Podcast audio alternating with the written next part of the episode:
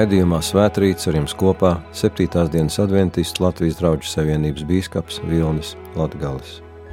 Lasījums no Dieva vārda Lūkas evaņģēlijas 11. nodaļa.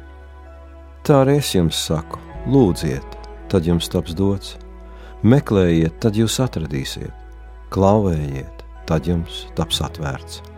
Jo ik katrs, kas lūdz dabū, kas meklē atrod, un kas klauvē, tam atvērs. Āmen!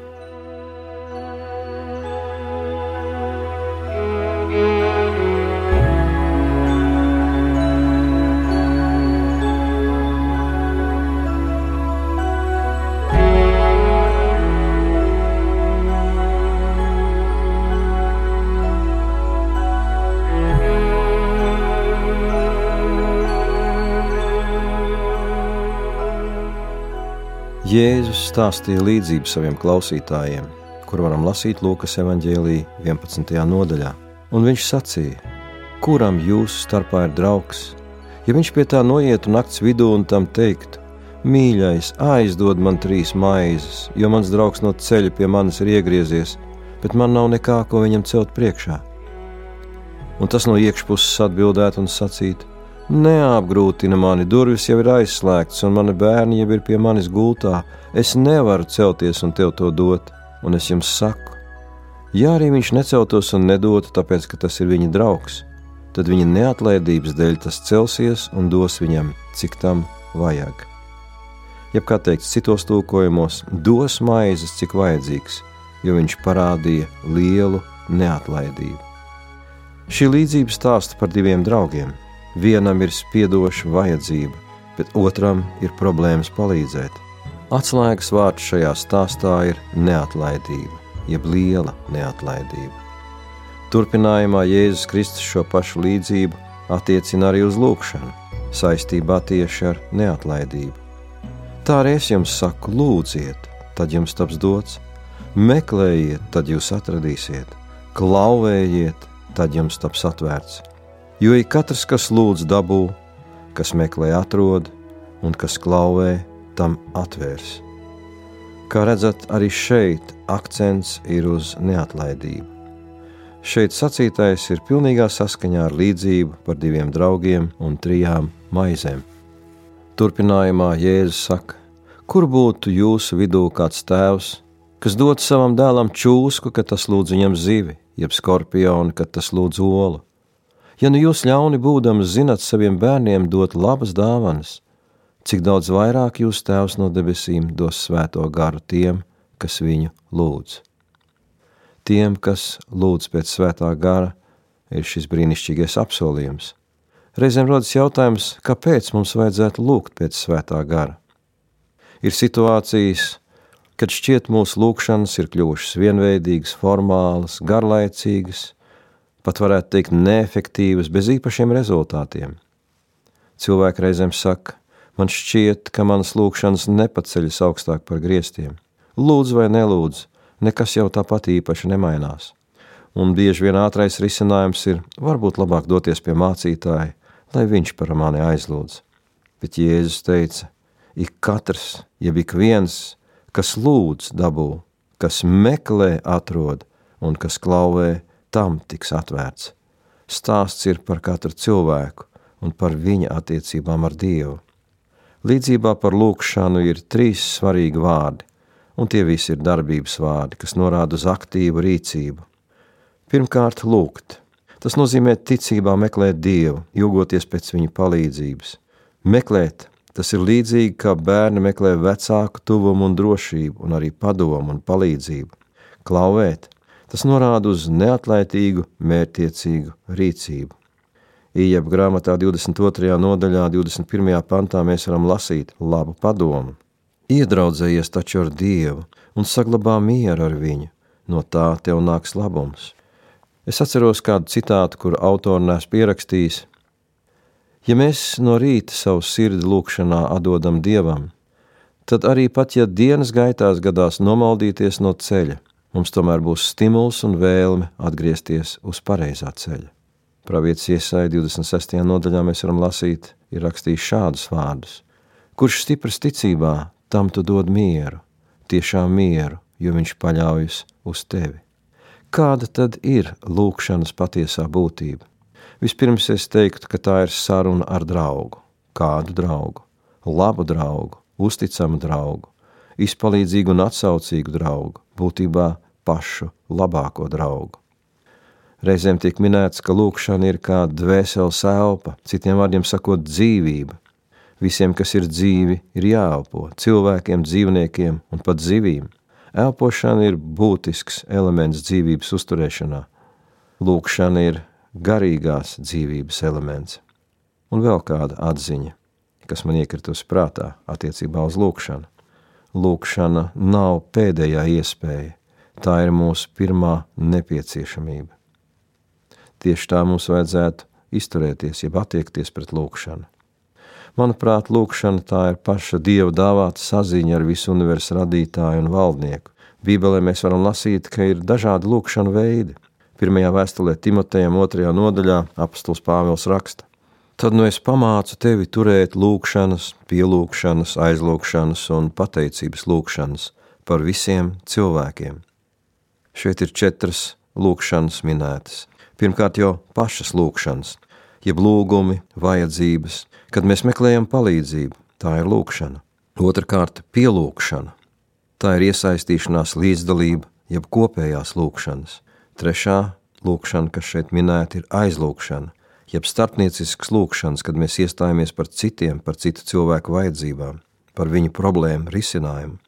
Un ceturtā ir pateicības lūkšana, pateicība un slavu Dievam par to, ko viņš darījis un darīs arī turpmāk. Ir vērts pateikties par visu bijušo un uzticēt arī savu nākotni tam, kurš ir spējīgs to vadīt vislabākajā veidā. Tāpēc arī Pāvils rakstīja: Par visu esiet pateicīgi. Viens no maniem mīļākajiem Bībeles tekstiem ir lasāms vēstulē Filipiešiem 4. nodaļā, un tas ir 6. pāns. Neraizējieties ne par ko. Tā vietā lūkšanā stāstiet Dievam par visām savām vajadzībām – un pateicieties viņam par to, ko viņš darīs. Es bieži vien pievienoju arī vārdiņu darīs, par to, ko Dievs ir darījis, un par to, ko viņš darīs arī turpmāk. Man šķiet, tas ir brīnišķīgi, ja mēs varam Dievam pateikties par pagātni un uzticēt arī nākotni. Tas patiešām dod mieru, mieru, kurš nāk no debesīm. Bībelē ir minētas vēl vairākas lūkšanas, grēku nožēlas lūkšana, Mēs varam lasīt kādu stāstu Lūkas evanģēlijā 18. nodaļā. Tur ir teikts, divi cilvēki aizgāja uz templi dievu lūgt. Viens bija farizējs, bet otrs muitnieks. Farizējs nostājās un lūdza pie sevis: Es tev pateicos, Dievs, ka es neesmu tāds kā citi cilvēki, laupītāji, ļaundari, laulības pārkāpēji vai arī kā šis muitnieks. Es gavēju divreiz nedēļā un maksāju desmito tiesu no visiem saviem ienākumiem. Un 13. pantā ir teikts, Turpretī muitnieks iztālēm stāvēdams, neuzdrošinājās pat acis pacelt uz debesīm, bet sita pa savām krūtīm un sacīja: Dievs, esi man grēciniekam žēlīgs. Un Jēzus turpina: Es jums saku, viņš, šis otrais, nogāja savās mājās taisnots, labāks par to otru, jo katrs, kas pats paaugstinās, taps pazemots, bet kas pats pazemojas, taps paaugstināts. Lūkšana nav vieta un laiks, kad mēs varam uzskaitīt savus labos darbus un visu to, ar ko mēs esam pārāk par citiem cilvēkiem, protams, savās domās. Bet patiesa nožēla un sirds, kas ir pazemojusies Dieva priekšā, tā patiešām, kā Dieva vārdā sacīts, ir Dievam dārga. Taču, lai nožēlotu grēkus, vispirms ir jānonāk līdz grēka atziņai. Dieva vārds saka, visi ir grēkojuši, mēs visi esam grēcinieki. Un pirmajā Jāņa vēstulē, pirmajā nodaļā, ir patiešām laba vēsts grēciniekiem. 8. pantā teikts, ja sakām, ka mums nav grēka, ja esam bez grēka, tad maldinām, ja pieviļam paši sevi, un patiesība nav mūsos, jeb kā teikts glika tūkojumā, taisnība nav mūsu pusē. 9. pants saka, ja atzīstamies savos grēkos, tad viņš ir uzticīgs un taisns, ka viņš mums piedod grēkus un šķīsta mūs no visas netaisnības. Šeit rodās arī jautājums, kas tad ir grēks? Pirmkārt, grēks ir dzīve bez dieva, jeb bezdievība, dieva ignorēšana, jeb ignorance.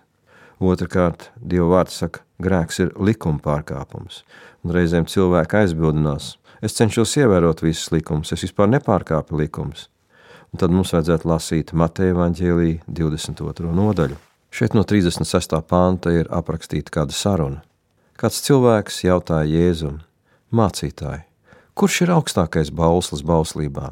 Bet Jēzus tam sacīja: Tev būs Dievu savu kungu mīlēt no visas sirds, no visas savas dvēseles un no visa savu prāta. Šis ir augstākais un pirmais bauslis. Otrs tam līdzīgs ir: Tev būs savu tuvāku mīlēt kā sevi pašu. Šīs abos baušļos ir saņemta kopā visa bauslība un pravieši. Šajā brīdī mums vajadzētu sev uzdot dažus jautājumus. Vai es patiešām mīlu Dievu vairāk par sevi, vairāk par naudu, vairāk par izklaidēm, sportu, kino un ceļojumiem? Cilvēki reizēm mēdz teikt, nu nevajag jau jaukt visu kopā. Dievam ir sava vieta un pārējām lietām ir sava.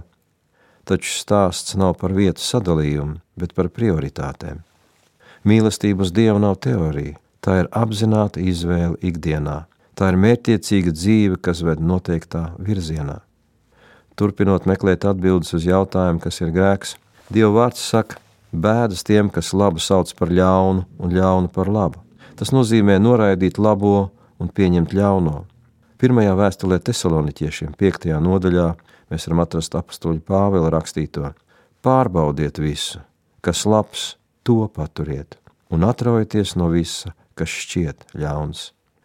Un vēl kāda atziņa attiecībā uz jautājumu, kas ir grēks. Tā ir dzīve pretrunā ar savu sirdsapziņu, vai arī pretošanās savai sirdsapziņai. Apstuļu darba grāmatā 24. nodaļā mēs varam lasīt apstuļu Pāvilu sacīto. Tāpēc es arī cenšos vienmēr paturēt skaidru, jeb tīru sirdsapziņu Dieva un cilvēku priekšā. Tas ir labs piemērs, kā mums vajadzētu dzīvot. Paturēt skaidru, tīru sirdsapziņu Dieva un cilvēka priekšā. Un vēl kāda svarīga lūkšanas sadaļa – tā ir lūkšana par ienaidniekiem. Lūkas evaņģēlijas 23.33. Un kad tie nonāca tajā vietā, ko sauc par pieras vietu, jeb Golgātu, tad tie tur sita viņa krustā, bet Jēzus sacīja, Tēvs piedod tiem, jo tie nezina, ko tie dara. Kristus kalnu svētrunā mūsu kungs sacīja – jo kad jūs cilvēkiem viņu noziegumus piedosiet, tad jums jūsu debes tēvs arī dzen piedos.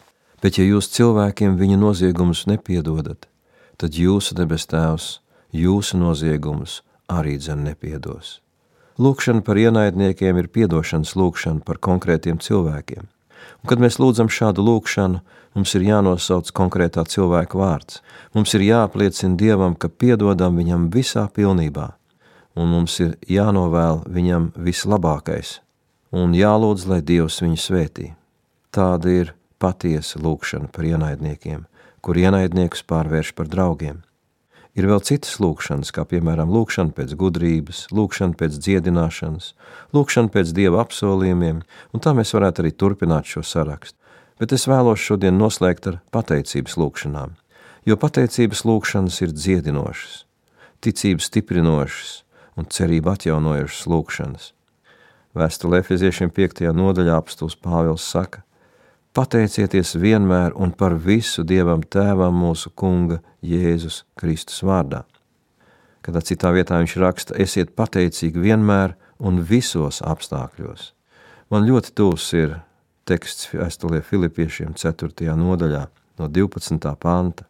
Es esmu iepazinis trūkumu, esmu iepazinis arī pārpilnību es esmu iemācījies būt mierā ar visu un visā. Gan būdams paēdis, gan izsalcis, gan pārpilnībā, gan ciešot trūkumu, es visu spēju viņā, kas man dod spēku. Es novēlu, mīļie radioklausītāji, lai lūkšana un pateicības gars izmaina mūsu dzīves un piepilda mūs ar cerību, prieku un mieru. Āmen!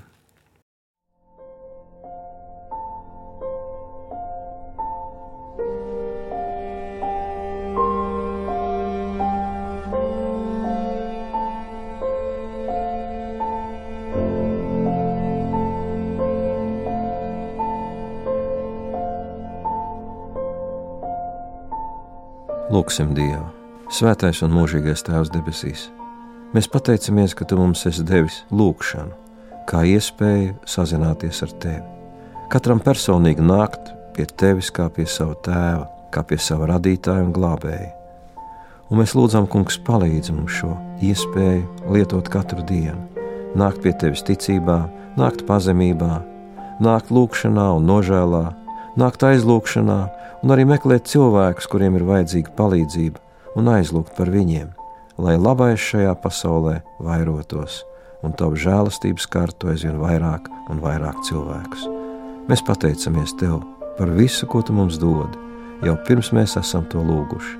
Tev lai ir gods, slava un pateicība, tagad un vienmēr Jēzus Kristus mūsu Kunga vārdā. Āmen!